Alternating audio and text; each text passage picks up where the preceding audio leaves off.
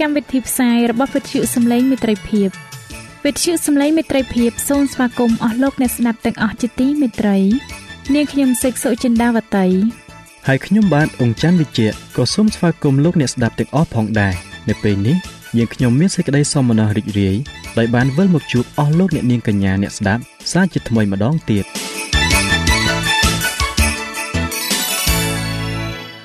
នាងខ្ញុំសេកសុចិន្តាវតី សូមជម្រាបជូនកម្មវិធីផ្សាយ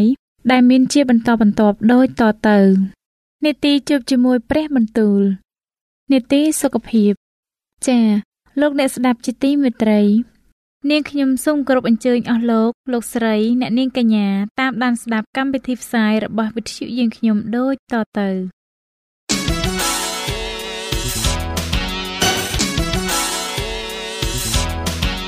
នេតិ ជួបជាមួយព្រះបន្ទូល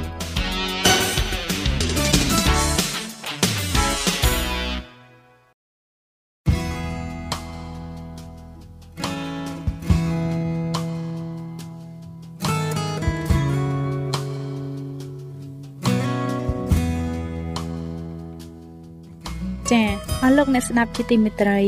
ជាដំបូងនាងខ្ញុំសូមអញ្ជើញលោកអ្នកនាងស្ដាប់នេតិជួបជាមួយព្រះបន្ទូលនេតិនេះ នឹងលើកយកព្រះបន្ទូលពីព្រះគម្ពីរនេហេមៀដែលនឹងជម្រាបជូនដល់លោកអង្គច័ន្ទវិជ្ជៈដូចតទៅ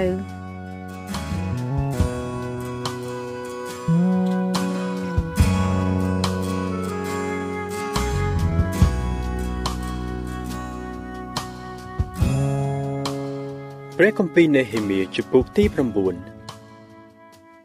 លុះដល់ថ្ងៃទី24ក្នុងខែនោះឯង ពួកកូនចៅអ៊ីស្រាអែលគេបានមូលគ្នាកាន់ត្រណមដោយស្លៀកពាក់សម្ពុតថ្មី ហើយប្រឡាំដីនៅខ្លួនឯពួកអ៊ីស្រាអែលក៏ញែកខ្លួនចេញពីពួកសាសដតីទាំងប៉ុន្មានហើយឈរឡើងលន់ទូអំពើបាបរបស់ខ្លួនព្រមទាំងសេចក្តីទុច្ចរិតរបស់ពួកឯងចកោផងរួចគេឈរនៅកន្លែងគេរៀងខ្លួនហើយពេលថ្ងៃនោះមួយភាគក្នុង4មានម្នាក់អានមើលក្នុងគម្ពីរក្រឹតវិន័យរបស់ព្រះយេហូវ៉ាជាព្រះនៃខ្លួនរួចពេលមួយភាគក្នុង4ទៀតក៏លន់តួ ព្រមទាំងថ្វាយបង្គំដល់ព្រះយេហូវ៉ាជាព្រះនៃខ្លួនខណៈនោះយេស៊ូបានីកាតមៀលសេបានីបូនីសេរេប៊ីយ៉ាបានីនិងកេណានីជាពួកលេវីក៏ឈរលើថ្នាក់ជណ្ដើរបន្លឺសំឡេងអំពាវនាវដល់ព្រះយេហូវ៉ាជាព្រះនៃខ្លួនរួចយេស៊ូកាតមៀលបានី50នាសេរេប៊ីយ៉ាហូឌៀសេបានីនិងពេថាហ៊ីយ៉ា ជាពួកលេវី គេប្រកាសថាចូលឈរឡើងសូមឲ្យព្រះយេហូវ៉ាជាព្រះនៃអ្នករាល់គ្នា ដែលគង់នៅអកលរៀងទៅដល់អកលជានិច្ចបានប្រកបដោយព្រះពរត្រូវតែសូមឲ្យព្រះនាមរបស់ទ្រង់ជាព្រះនាមដ៏រុងរឿងបានពរដែរជាពរដែលខ្ពស់លើសជាងអស់ទាំងពរនិងសេចក្តីសរសើរផងគឺទ្រង់តែមួយដែលជាព្រះឯកអង្គទ្រង់បានបង្កើតផ្ទៃមេឃនិងអស់ទាំងជាន់នៃផ្ទៃមេឃព្រមទាំងពួកពលបរិវារនៅលើនោះ និងផែនដី ហើយសមុទ្រនិងរបស់សពសារពើ ដែលនៅស្ថានទាំងនោះផងទ្រង់ក៏ទប់ទល់ជីវិតនៃរបស់ទាំងនោះ ហើយពួកពលនៅលើមេឃក៏ថ្វាយបង្គំដល់ទ្រង់អោព្រះយេហូវ៉ាដ៏ជាព្រះអើយគឺទ្រង់ហើយដែលបានរើសអាប់រ៉ាមព្រមទាំងនាំលោកចេញពីក្រុងអឺរបស់ពួកសាសខាល់ដេហើយប្រទានឲ្យលោកមានឈ្មោះជាអាប់រ៉ាហាំវិញ លោកមានចិត្តស្មោះត្រង់នៅចំពោះទ្រង់រួចតាំងសញ្ញានឹងលោកថា នឹងប្រទានស្រុករបស់ពួកសាសកាណានសាសហេតសាសអាម៉ូរីសាសពេរិសិតសាសយេប៊ូសនិងសាសកើកាស៊ីដល់ពួករបស់លោកទ្រង់ក៏បានសម្រេចតាមព្រះបន្ទូលទ្រង់ហើយបិទទ្រង់សុចរិតទ្រង់បានទល់ឃើញសេចក្តីវេទនារបស់ពួកអាយកោយើងខ្ញុំនៅស្រុកអេស៊ីបហើយបានលើសម្រែកដែលគេស្រែកនៅត្រង់សមុទ្រក្រហមក៏សម្ដែងទីសម្គាល់នឹងការអស្ចារ្យទៅលើផារ៉ោនពួកមហាថ្លឹកនិងបណ្ដាជននៃស្រុកនោះទាំងអស់ដោយជ្រាបថា គេបានប្រព្រឹត្តនឹងពួកអាយកោទាំងនោះដោយចិត្តប្រហើនហើយទ្រង់បានល្បីព្រះនាមដូចមានសពថ្ងៃនេះទ្រង់បានធ្វើឲ្យសមុទ្រញែកចេញជាពីរនៅមុខអ្នកទាំងនោះឲ្យបានឆ្លងទៅនៅកណ្ដាលសមុទ្រដោយដីគោកតែទ្រង់បានបោះពួកអ្នកដែលដេញតាមចោលទៅក្នុងទីជម្រៅដូចជាបោះថ្មទៅក្នុងទឹកដ៏មានកម្លាំងមួយទៀតនៅពេលថ្ងៃទ្រង់បាននាំពួកឯកកោនោះដោយសារបង្គោលពពកហើយពេលយប់ ដោយសារបង្គោលភ្លើងដើម្បីនឹងបំភ្លឺផ្លូវដែលគេត្រូវដែរទ្រង់បានយាងចុះមកលើភ្នំស៊ីណាយហើយមានបន្ទូលនឹងគេពីលើមេឃមកព្រមទាំងប្រទានឲ្យមានច្បាប់យុត្តិធម៌ដ៏ត្រឹមត្រូវនិងក្រឹតវិន័យដ៏ពិតហើយបញ្ញត្តិនិងក្រឹតក្រមដ៏ល្អដល់គេទ្រង់បានធ្វើឲ្យគេស្គាល់ថ្ងៃជប់សម្រាប់ដ៏បរិសុទ្ធរបស់ទ្រង់ព្រមទាំងតាំងឲ្យគេ មានក្រឹតក្រមបញ្ញត្តិនិងវិន័យដោយសារលោកម៉ូសេជាអ្នកបម្រើទ្រង់ទ្រង់បានប្រទាននំប៉័ងពីលើមេឃមកចំអែតដល់គេ ហើយបណ្ដាលឲ្យមានទឹកហូរចេញពីថ្មមកឲ្យគេផឹកក៏បានបង្គាប់ឲ្យគេចូលទៅចាប់យកស្រុកដែលទ្រង់បានស្បត់ថានឹងឲ្យដល់គេប៉ុន្តែគេនឹងពួកអាយកោរបស់ជាងខ្ញុំតរៀងមកបានប្រព្រឹត្តដោយចិត្តប្រហើញព្រមទាំងតាំងករឹងអត់ស្ដាប់តាមក្រឹតវិន័យទាំងប៉ុន្មានរបស់ទ្រង់ទេ គេមិនព្រមធ្វើតាមបង្គាប់ទ្រង់ឡើយ ក៏មិននឹកចាំពីអស់ទាំងការអស្ចារ្យដែលទ្រង់បានធ្វើនៅកណ្ដាលពួកគេផង គឺគេបានតាំងករឹងវិញ ក្នុងគ្រាបះបោរនោះ គេបានតម្រូវម្នាក់ឲ្យធ្វើជាមេដើម្បីនឹងនាំវិលទៅឯសន្តានជាបាវបំរើវិញតែទ្រង់ជាព្រះ ដែលប្រុងនឹងអត់ទោសទ្រង់ក៏សន្តោសហើយមេត្តាករុណាទ្រង់យឺតនឹងខ្ញាល់ហើយមានសេចក្តីសប្បុរសជាបរិបូរណ៍បានជាទ្រង់មិនបោះបង់ចោលគេឡើយ ទោះទាំងការដែលគេបានបណ្ដាលទំនាស់ទ្រង់ជាខ្លាំងដោយសិតធ្វើរូបកូនគោហើយនិយាយថានេះជាព្រះរបស់យើងដែលបាននាំជើងឡើងពីស្រុកអេស៊ីបមកដូច្នេះក្តីគង់តែទ្រង់មិនបានបោះបង់ចោលគេ នៅទីរហោស្ថានដែរគឺដោយទ្រង់មានសេចក្តីមេត្តាករុណាដ៏ក្រៃលែងឯបង្គោលពពកមិនបានថយចេញលែងនាំផ្លូវគេនៅវេលាថ្ងៃឡើយហើយបង្គោលភ្លើងក៏មិនលែងបំភ្លឺគេនៅវេលាយប់ ដើម្បីនឹងបង្ហាញផ្លូវដែលគេត្រូវដើរដែរទ្រង់បានប្រទានព្រះវិញ្ញាណដ៏ល្អរបស់ទ្រង់មកបង្ហាត់បង្រៀនគេទ្រង់មិនដែលបង្អត់នំម៉ាណាចំពោះគេទេហើយបានប្រទានទឹកឲ្យគេផឹកផងគឺទ្រង់បានចិញ្ចឹមគេ នៅទីរហោស្ថានអស់40ឆ្នាំគេឥតមានខ្វះខាតអ្វីឡើយសម្លៀកបំពាក់របស់គេក៏មិនដែលសឹកហើយជើងគេមិនពុះពងដែរមួយទៀតទ្រង់បានប្រទាននគរនឹងសាសផ្សេងផ្សេងហើយចែកស្រុកទាំងនោះដល់គេ គឺយ៉ាងនោះ ដែលគេបានស្រុករបស់ស៊ីហ៊ុន ជាស្រុករបស់ស្ដេចក្រុងហេសបូននិងស្រុករបស់អុកជាស្ដេចស្រុកបាសានទ្រង់ក៏ធ្វើឲ្យគេកើតកូនចម្រើនឡើងដោយជាផ្កាយនៅលើមេឃហើយបាននាំគេចូលមកក្នុងស្រុក ដែលទ្រង់ប្រាប់ដល់ពួកអាយកោថាត្រូវឲ្យគេចូលទៅចាប់យកនេះដូច្នេះពួកកូនចៅគេក៏ចូលទៅចាប់យកស្រុកហើយទ្រង់បានបង្ក្រាបសាសកាណាន ជាពួកអ្នកស្រុកនេះនៅមុខគេព្រមទាំងប្រគល់ពួកនោះនឹងស្ដាច់ហើយបណ្ដាជនទាំងឡាយ មកក្នុងកំដាប់ដៃគេហើយបានប្រព្រឹត្តនឹងសាសនោះតាមអំពើចិត្តគេចាប់យកបានទាំងទីក្រុងមានបន្ទាយនិងស្រុកមានជីជាតិក៏បានផ្ទះជាច្រើនពេញដោយរបស់ល្អគ្រប់មុខនិងអណ្ដូងជីកស្រាប់ចំការទំពាំងបាយជូរដំណាំអូលីវនិងដើមឈើផ្លែជាបរិបូរយ៉ាងនោះគេបានបរិភោគឆ្អែតហើយត្រឡប់ជាមានសាច់ធាត់ក៏មានចិត្តរីករាយដោយសារសេចក្តីសប្បុរសដ៏ជាធំរបស់ទ្រង់ប៉ុន្តែ គេមានចិត្តរឹងចោះចេះហើយបានបះបោរនឹងទ្រង់វិញ គេបោះបង់ចោលក្រឹតវិន័យទ្រង់ទៅក្រោយខ្នងហើយបានសម្លាប់ពួកហោរាទ្រង់នឹងធ្វើបន្ទាល់ដល់គេដោយប្រាថ្នាចង់នាំគេមកឯទ្រង់វិញ គេក៏ប្រព្រឹត្តទំនាស់ជាខ្លាំងដែរហេតុនោះទ្រង់បានប្រគល់គេទៅក្នុងកំដាប់ដៃនៃពួកសត្រូវ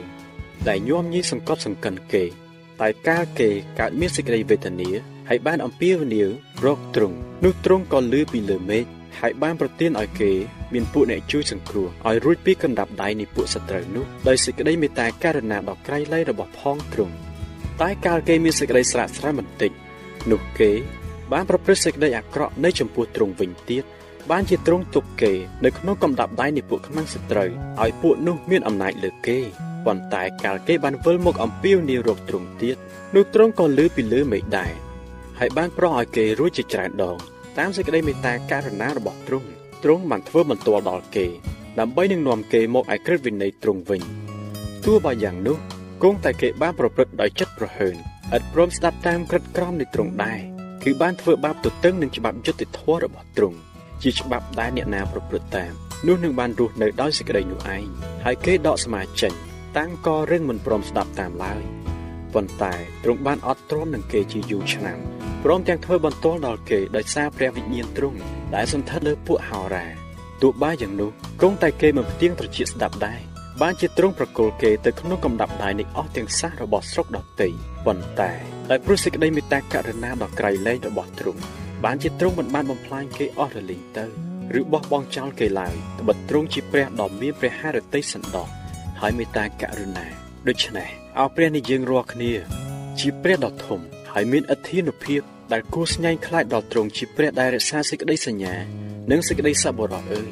ឯសេចក្តីវេទនាទាំងប៉ុន្មាន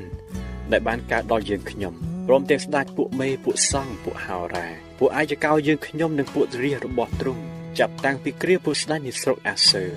ដែលរាប់ដល់សពថ្ងៃនេះនោះសូមទ្រង់គម្រាប់ថាជាការតិចតួចឡើយប៉ុន្តែក្នុងសេចក្តីទាំងប៉ុន្មាន ដែលបានកើតដល់យើងខ្ញុំនោះទ្រង់សុចរិតទេត្បិតទ្រង់បានប្រព្រឹត្តដោយស្មោះត្រង់តែយើងខ្ញុំបានប្រព្រឹត្តដោយលិមួអាក្រក់វិញទោះទាំងស្ដេចនៃយើងខ្ញុំឬពួកមេពួកសង្ឃនិងពួកអាយកោរបស់យើងខ្ញុំក៏មិនបានរក្សាក្រឹតវិន័យរបស់ទ្រង់ឬស្ដាប់តាមក្រឹតក្រមនិងសេចក្តីបន្ទាល់ដែលទ្រង់បានធ្វើនៅចំពោះគេដែរពីព្រោះគេមិនបានគោរពប្រតិបត្តិដល់ទ្រង់នៅក្នុងនគរនៃខ្លួននៅកណ្ដាលអស់ទាំងសេចក្តីល្អក្រៃលែង ដែលទ្រង់បានប្រោះដល់គេ នៅក្នុងស្រុកធំទលាយមានជីជាតិដែលទ្រង់បានដាក់នៅមុខគេនោះឡើយគេក៏មិនបានបែកចេញពីអំពើអាក្រក់របស់ខ្លួនដែរមើលយើងខ្ញុំរាល់គ្នាជាបាវបំរើរបស់គេដល់រាប់ដល់សប្តាហ៍ថ្ងៃនេះគឺជាបាវបំរើនៅក្នុងស្រុកនេះដែលទ្រង់បានប្រទានដល់ពួកអាយកោយើងខ្ញុំឲ្យបានបរិភោគផលនិងសេចក្តីល្អនោះផងស្រុកនេះក៏បង្កើតផលជាច្រើនដល់ពួកស្ដេចដែលទ្រង់បានតាំងឲ្យគ្រប់គ្រងលើយើងខ្ញុំ ដោយព្រោះអំពើបាបរបស់យើងខ្ញុំស្ដេចទាំងនោះមានអំណាចលើទាំងខ្លួនប្រាណយើងខ្ញុំនិងហ្វូងសាររបស់យើងខ្ញុំផងតាមតែព្រះតីហើយយើងខ្ញុំមានសេចក្តីវេទនាជាខ្លាំងទោះបើមានសេចក្តីយ៉ាងនោះក៏ដោយគង់តែយើងខ្ញុំរកគ្នាចោះសញ្ញាមួមួនហើយក៏កាត់ទុកផងមានទាំងពួកមេពួកលេវីនិងពួកសង្ឃរបស់យើងខ្ញុំ ជាអ្នកបោះត្រាចំពោះសេចក្តីសញ្ញានោះ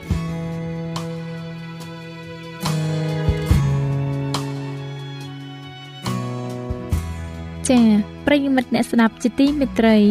ដោយពេលវេលាមានកំណត់ យើងខ្ញុំសូមផ្អាកនេតិជប់ជាមួយព្រឹបបន្ទូលនេះត្រឹមតែប៉ុណ្ណេះសិនចុះដោយសន្យាថា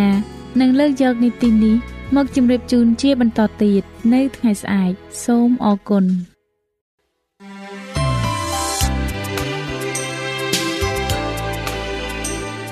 វិទ្យុសំឡេងមេត្រីភាព AWR នាំមកជូនលោកអ្នក នៅសារនៃសេចក្តីស្រឡាញ់ពីព្រះអង្គម្ចាស់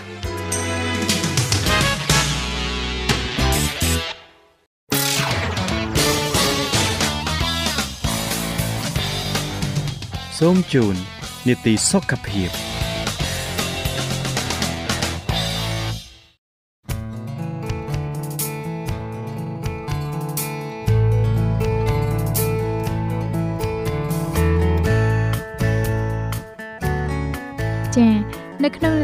នីតិសុខភាពនៅថ្ងៃនេះ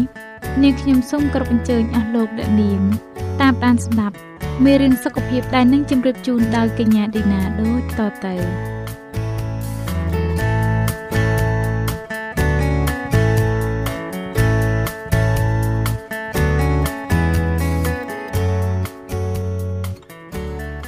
ចា៎នាងខ្ញុំសូមជម្រាបសួរដល់លោកអ្នកស្ដាប់ជាទីមេត្រី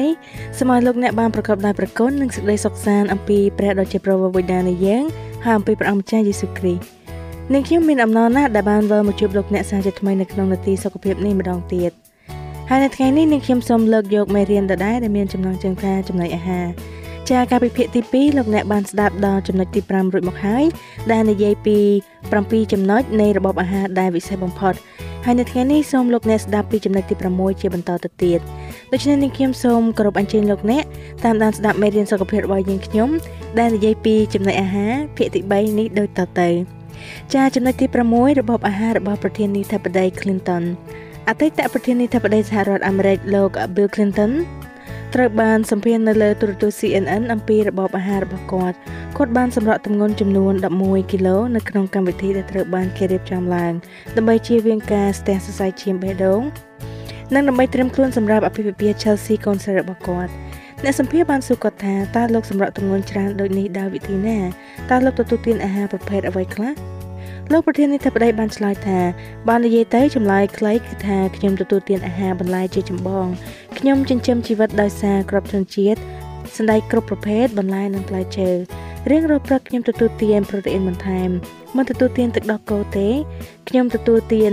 ខ្ទិះអាល់ម៉ុនក្រឡុកជាមួយផ្លែឈើហើយនិងម្សៅប្រូតេអ៊ីនដូច្នេះខ្ញុំទទួលទានប្រូតេអ៊ីនមួយថ្ងៃសម្រាប់មួយថ្ងៃពេលចេញទៅប្រកបការងារហើយវាបានផ្លាស់ប្ដូរប្រព័ន្ធចែកចាយធម្មពលក្នុងខ្លួនរបស់ខ្ញុំ ហើយខ្ញុំស្រក11គីឡូហើយខ្ញុំបានត្រឡប់មករកទម្ងន់ដោយការពីដែលខ្ញុំនៅវិទ្យាល័យនៅឡើយការដែលខ្ញុំសម្រក់ទម្ងន់នេះខ្ញុំមានហេតុផលផ្សេងគឺថាដំបូងឡើយខ្ញុំចង់សម្រក់ទម្ងន់បន្តិចបន្តួចប៉ុណ្ណោះប៉ុន្តែខ្ញុំមិននឹកស្មានថាស្រកច្រើនដូចនេះទេខ្ញុំធ្វើការសម្រក់ទម្ងន់នេះដោយសារតែក្រោយពេលដែលគេដាក់ឧបករណ៍សម្អាតសរសៃឈាមចូលទៅខ្ញុំយល់ថាបើទោះបីជាយើងធ្វើការបដូរចំនួនញឹកញាប់មែនតែយើងបាត់បង់សរសៃឈាមពិត ដោយសារពួកវារួមតូចហើយខ្សោយជាងសរសៃឈាមក្រហម ការពិតគឺថាវានៅស្ទះមានន័យថា cholesterol នៅតែកកនៅក្នុងសរសៃឈាមរបស់ខ្ញុំដែលជាផ្នែកនៃសរសៃឈាមសម្បនិមិត្តអរគុណប្រជាម្ចាស់ដែលខ្ញុំអាចទ្រាំនឹងឧបករណ៍នឹងបានខ្ញុំមិនចង់ឲ្យវាកាត់ឡើងម្ដងទៀតទេដូច្នេះខ្ញុំបានធ្វើការស្រាវជ្រាវនេះឡើងហើយខ្ញុំរកឃើញថា 82%នៃមនុស្សចាប់តាំងពីឆ្នាំ1986បានបានមកទទួលទានអាហារដែលមានបន្លែជាចម្បងមកទទួលទានអាហារធ្វើពីទឹកដោះសាច់គោឬសាច់មាន់ខ្ញុំទទួលទានត្រីបន្តិចបន្តួចយូរយូរម្ដងមិនជាញឹកញាប់ទេបើសិនអ្នកអាចធ្វើបានមនុស្សទាំង82%ដែលបានធ្វើដូច្នោះអាចព្យាបាលខ្លួនឯងបានការស្ទះសរសៃឈាមរបស់ពួកគេក៏រលាយអស់ជាតិកាល់ស្យូមដែលកកនៅក្នុងបេះដូងរបស់ពួកគេក៏រលាយដែរ អញ្ចឹងខ្ញុំក៏គិតថាដោយសារខ្ញុំចង់សម្រាប់ទម្ងន់បន្តិចសម្រាប់អភិភិពារបស់ Chelsea ផងខ្ញុំនឹងចូលរួមសាកល្បងខ្ញុំសាកល្បងមើលក្រែងលោកខ្ញុំអាចជាបុគ្គលម្នាក់ដែលមានវិធីសម្អាតខ្លួនយើងចាំមើលទាំងអស់គ្នាអ្នកសម្ភារបានសួរគាត់បន្តថាខ្ញុំសង្ឃឹមថាលោកនឹងមានសុខភាពល្អយូរអង្វែងហើយរស់បានឃើញចាយចាយច្រើនឆ្នាំតទៅទៀតផងដែរ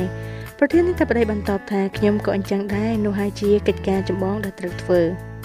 ចាចំណុចទី7ចំណុចបន្ថែមខ្លះទៀតតេតិនទៅនឹងតម្លៃនៃអាហារបន្លែអ្នកដែលទទួលទានអាហារបួសតែងទទួលទានកូលេស្តេរ៉ុល300ទៅ500មីលីក្រាមក្នុងមួយថ្ងៃអ្នកទទួលទានបួសទាំងស្រុងដែលមិនប្រើសាច់ទឹកដោះឬក៏សុទ្ធទទួលទានកូលេស្តេរ៉ុល0មីលីក្រាមអ្នកទទួលទានអាហារបួសមានកូលេស្តេរ៉ុល14%ទាបជាងចំនួនមធ្យមក្នុងចំណោមពលរដ្ឋសហរដ្ឋអាមេរិក។ ការវិភាគដ៏ធំទៅលើការសិក្សាចំនួន5នៅឆ្នាំ1999ដែលបានប្រៀបធៀបអត្រាស្លាប់នៃអ្នកទទួលទានអាហារបួសនិងអ្នកទទួលទានសាច់នៅក្នុងប្រទេសលោកខាងលិចបានរកឃើញថាអត្រាមរណភាពដោយសារជំងឺបេះដូងមាន26%ទាបជាងក្នុងចំណោមពួកអ្នកទទួលទានបួសសុទ្ធបើប្រៀបធៀបទៅនឹងពួកអ្នកទទួលទានសាច់សត្វបើយើងទៅតាមទស្សនវិស័យថែបានសរសេរថាក្នុងតំបន់ដែលមិនសូវមានសាច់ទទួលទាននោះជំងឺសរសៃឈាមបេះដូងក៏កម្រមានដែរ លោកវេជ្ជបណ្ឌិត William Castelli បានធ្វើការជាមួយក្រុមសិក្សាសុខភាព Framingham សហការជាមួយនឹងវិទ្យាស្ថានបេះដូងបានមានប្រសាសន៍ថាពួកអ្នកទទួលទានអាហារបួសមានរបបអាហារប្រសើរជាងគេបំផុតហើយពួកគេមានអត្រាជំងឺបេះដូងទាបបំផុតជាងក្រុមផ្សេងៗនៅក្នុងប្រទេសអ្នកខ្លះគេចំអកលក់លើយឲ្យអ្នកទទួលទានអាហារបួសប៉ុន្តែពួកគេមានអត្រាជំងឺមហារីកតែ40%ប៉ុណ្ណោះ ជាមធ្យមពួកគេរកបានយូរជាងមនុស្សដទៃប្រហែល5ឆ្នាំសម្រាប់ក្មេងៗអាមេរិកកម្រិត IQ ឬកម្រិតបញ្ញារបស់កូនកូនរបស់អ្នកទទួលទានបួសជាមធ្យមមាន17ពិន្ទុខ្ពស់ជាងប៉ូលគឺ116ទល់នឹង99ហេតុផលសម្រាប់រឿងនេះអាចបណ្ដាលមកពីការដែលនិយមទទួលទានអាហារបួសផ្ដល់ផលប្រយោជន៍ខាងបញ្ញាស្មារតីច្រើនជាងហើយមនុស្សដែលឆ្លៀវវៃជាងនិងអ្នកដែលមានចំណេះវិជ្ជាច្រើនកំពុងក្លាយទៅជាអ្នកទទួលទានបួស លោកវិជ្ជបណ្ឌិត Dean Onis បានធ្វើការបង្ហាញពីការជាឡើងវិញនៃជំងឺបេះដូងតាមរយៈរបបអាហារអ្នកជំងឺរបស់លោកស្ទើរតែ80%ដែលមានជំងឺសរសៃឈាមបេះដូងធ្ងន់ធ្ងរអាចជៀសវាងការប្រើសរសៃសិប្បនិមិត្តនិងការវះកាត់សម្អាតសរសៃឈាមតកតងទៅនឹងអាហារសហគមន៍បេះដូងអាមេរិកមានអ្នកជំងឺតែ1ភាគ6ប៉ុណ្ណោះដែលបានជាពីជំងឺកកស្ទះសរសៃឈាម អ្នកជំងឺ28%បែរជាមានការកើនឡើងនៃការស្ទះសរសៃឈាមក្នុងរយៈពេល5ឆ្នាំតាមរយៈកម្មវិធីរបស់លោក Onis មានអ្នកជំងឺ3/4បានជាសះស្បើយឡើងវិញហើយបានរីករាយនឹងការកាត់បន្ថយការស្ទះសរសៃឈាមចំនួន8%អ្នកទទួលទានសាច់ជួបឧបទ្ទហេតុនៃការលើសឈាមស្ទើរតែ3ដងច្រើនជាងបើប្រៀបធៀបទៅនឹងអ្នកទទួលទានបួសហើយករណីមានសម្ពាធឈាមខ្ពស់បំផុតចំនួន13ដង អ្នកដែលមានសម្ពាធឈាមខ្ពស់ងាយនឹងដាច់សរសៃឈាមខួរក្បាលចំនួន7ដងហើយងាយនឹងកាំងបេះដូងចំនួន4ដងមនុស្សជាច្រើនដែលមានសម្ពាធឈាមខ្ពស់លើសឈាមអាចប្រសើរឡើងវិញដោយសារតែការបែរមកទទួលទានអាហារបន្លែវិញទោះបីជនជាតិអាមេរិកដែលមានអាយុច្រើនចំនួន50%មានសម្ពាធឈាមខ្ពស់ក៏ពិតមែនប៉ុន្តែចាស់ចាស់នៅក្នុងប្រទេសដែលទទួលទានខ្លាញ់តិចអាហារបន្លែមិនសូវជាមានសម្ពាធឈាមខ្ពស់ទេ លោក Albert Einstein គឺជាអ្នកទទួលទានបួសដែលបាននិយាយថាគ្មានអ្វីដែលផ្ដល់ផលប្រយោជន៍ដល់សុខភាពមនុស្សហើយបង្កើនឱកាសរស់នៅលើផែនដីឲ្យបានច្រើនជាងការវិវត្តមកក្លាយជាអ្នកទទួលទានអាហារបួសនោះទេលោកបណ្ឌិត Campbell នៅក្នុងការសិក្សាទៅលើប្រជាជនចិនរាយការណ៍ថាឥឡូវនេះយើងមានផុសតាងយ៉ាងច្រើនសន្ធឹកសន្ធាប់ដែលបានបង្ហាញថាអាហារមិនទាន់កែច្នៃមិនទាន់ស្រិត និងអាហារបន្លែដែលល្អបំផុតសម្រាប់បេះដូងល្អបំផុតសម្រាប់ជំងឺមហារីកល្អបំផុតសម្រាប់ទឹកនោមផ្អែមល្អបំផុតសម្រាប់ជំងឺស៊ាំនិងមេរោគនិងល្អបំផុតសម្រាប់តម្រងនោមឆ្អឹងនិងភ្នែកនិងខួរក្បាលរបស់យើងការស្រាវជ្រាវបង្ហាញឲ្យឃើញថាផលប្រយោជន៍នៃការទទួលទានបួសមានច្រើនអនេកលើសពីការដែលគ្រាន់តែបញ្ចុះអត្រាកូឡេស្តេរ៉ុលនិងមហារីកអ្នកទទួលទានបួសមិនសូវមានជំងឺលើសឈាម ជំងឺពោះវៀនធំ ទឹកនោមផ្អែមជំងឺគ្រោះក្នុងប្រមាត់ជំងឺខ្សោយក្រលៀនជំងឺធាត់ហើយមានប្រឈមមុខតិចតួចទៅនឹងជំងឺទាំងអស់ការដែលខ្លាចជាអ្នកទទួលទានបួសម្នាក់ក៏អាចជួយសង្គ្រោះពិភពលោករបស់យើងផងដែររបាយការណ៍អង្គការសហប្រជាជាតិមួយបានថ្លែងថាដីគោកដែលគ្មានទឹកកកចំនួន30%ត្រូវបានសម្រាំងទុកសម្រាប់សត្វចិញ្ចឹមហើយមាន33%ជាដីដែលអាចធ្វើ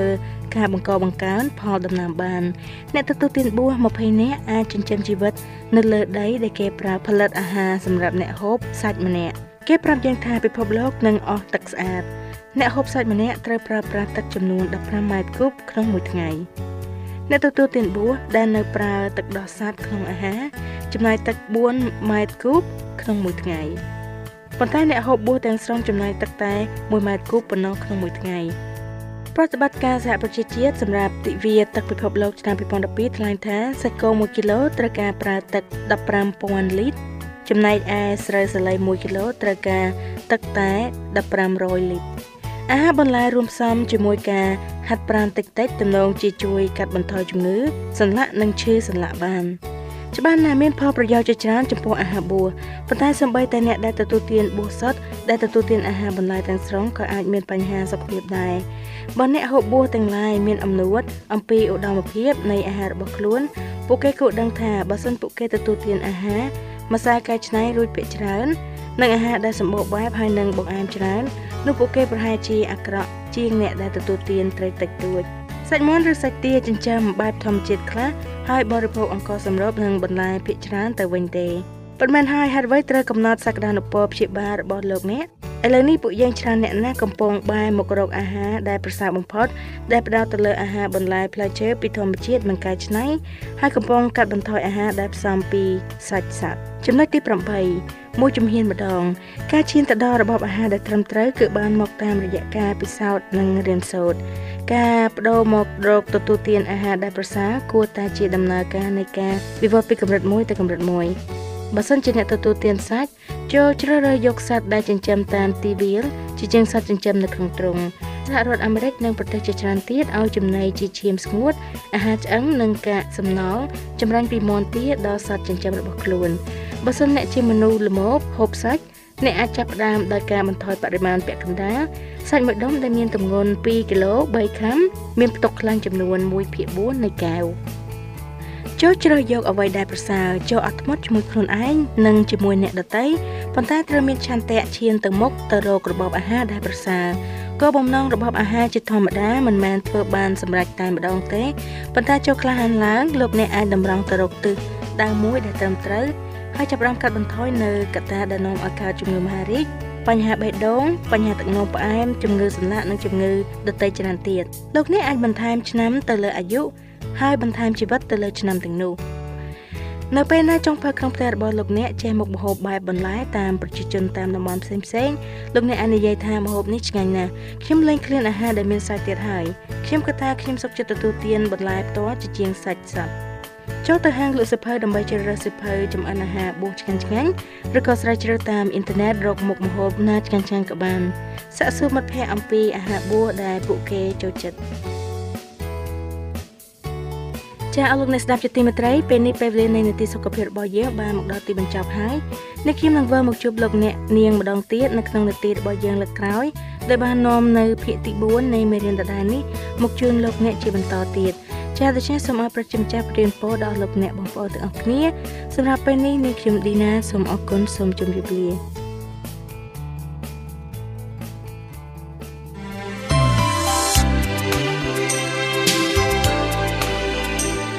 វិទ្យុសំឡេងមេត្រីភាព AWR មានផ្សាយពីរដងក្នុងមួយថ្ងៃគឺព្រឹកនៅម៉ោង6និងពេលយប់នៅម៉ោង8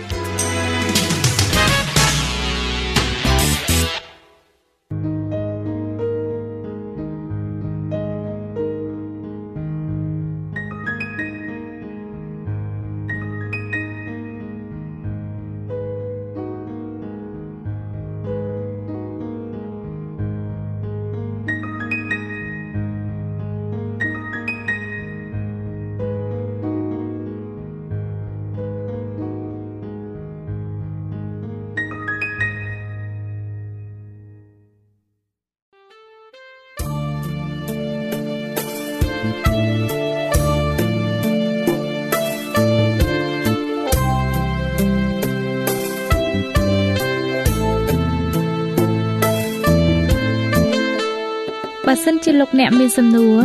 ឬសំណុំពរអ្វីសូមតាក់ទងមកការិយាល័យវិទ្យុយើងខ្ញុំ តាមអាស័យដ្ឋានផ្ទះលេខ15ផ្លូវលេខ568សង្កាត់បឹងកក់2ខណ្ឌទួលគោករាជធានីភ្នំពេញលោកអ្នកក៏អាចសរសេរសម្បត្តិផ្ញើមកយើងខ្ញុំ តាមរយៈប្រអប់សម្បត្តិលេខ488ភ្នំពេញឬតាមទូរស័ព្ទលេខ012 34 96 64ឬ097 80 81 060ឬក៏តាមរយៈអ៊ីមែល vol@awr.org យើងខ្ញុំរងចាំទទួលស្វាគមន៍អស់លោកអ្នកនាងដោយក្តីសោមនស្សរីករាយហើយលោកអ្នកក៏អាចស្ដាប់កម្មវិធីនេះឡើងវិញដោយចូលទៅកាន់ website របស់វិទ្យុយើងខ្ញុំ តាមរយៈអាស័យដ្ឋាន www.awr.org